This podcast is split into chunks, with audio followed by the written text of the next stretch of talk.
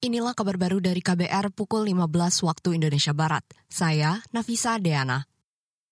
Kementerian Pertanian Kementan melaksanakan upaya percepatan tanam padi guna mengantisipasi ancaman El Nino.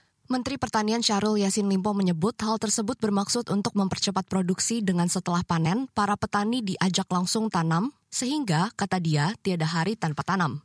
Nino itu adalah kekeringan dan kemarau yang sangat ekstrim. Tentu langkah yang harus dilakukan adalah percepatan tanam, mumpung masih ada air, dan kita berharap setiap kabupaten di seluruh Indonesia mempersiapkan hamparan kurang lebih seribu hektar untuk melakukan cadangan pangan yang kuat menghadapi musim kering yang ekstrim. Menurut Menteri Pertanian Syahrul Yasin Limpo, setiap daerah harus mulai tanam padi lebih awal setelah panen guna dapat menyerap sisa-sisa air sebelum terjadinya kemarau panjang. Ia berharap dengan percepatan tanam ini menyanggah ketahanan pangan. Selain itu, pihaknya juga memberikan bantuan kredit usaha rakyat KUR yang berasal dari bank-bank milik pemerintah kepada sejumlah petani. Ia berharap setiap daerah dapat melakukan percepatan tanam. Kita ke berita lain. Kepala Dinas Koperasi UKM Perindustrian dan Perdagangan Banyuwangi, Jawa Timur, Nanin Oktavianti menyebut, kelangkaan gas LPG 3 kg dipicu meningkatnya jumlah masyarakat yang beralih menggunakan gas melon tersebut. Padahal sebelumnya, mereka merupakan pengguna gas LPG non-subsidi 12 kg.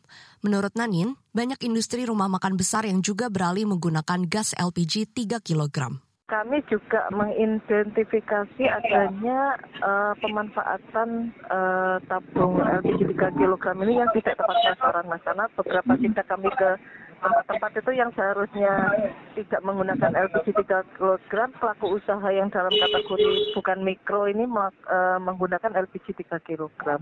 Kepala Dinas Koperasi UKM Perindustrian dan Perdagangan Banyuwangi Jawa Timur Nanin Oktavianti menambahkan, pihaknya tidak bisa melakukan penindakan dan memberi sanksi. Karena menurut Nanin, dinas hanya bersifat pemantauan distribusi dan stok gas LPG 3 kg. Nanin berdalih, penindakan adalah kewenangan Pertamina. Sebelumnya, Pemkap Banyuwangi bersama PT Pertamina menggelar operasi pasar di 12 titik selama enam hari guna mengurai persoalan kelangkaan gas LPG bersubsidi 3 kg. Kita ke berita selanjutnya. Hari ini koalisi yang terdiri dari delapan partai di Thailand bakal mengumumkan nama calon Perdana Menteri Thailand yang akan mereka usung. Rencana ini disampaikan pemimpin Partai Putai, Cholnan Srikeu. Partai Putai yang berkoalisi Partai Move Forward, MFP, diperkirakan bakal mencalonkan satu dari tiga nama potensial dari partainya, yakni Sreta Tavisin, Taksin Petong Tarn Sinawatra, atau Chai Kasem Nitisari.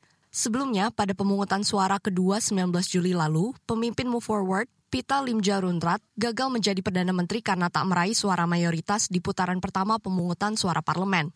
Parlemen juga beralasan tak bisa mencalonkan Pita dalam putaran kedua kali ini dan menolak pencalonan Pita setelah Mahkamah Konstitusi menangguhkan status Pita sebagai anggota parlemen beberapa jam sebelum voting berlangsung. Inilah kabar baru dari KBR pukul 15 waktu Indonesia Barat. Saya Nafisa Deana.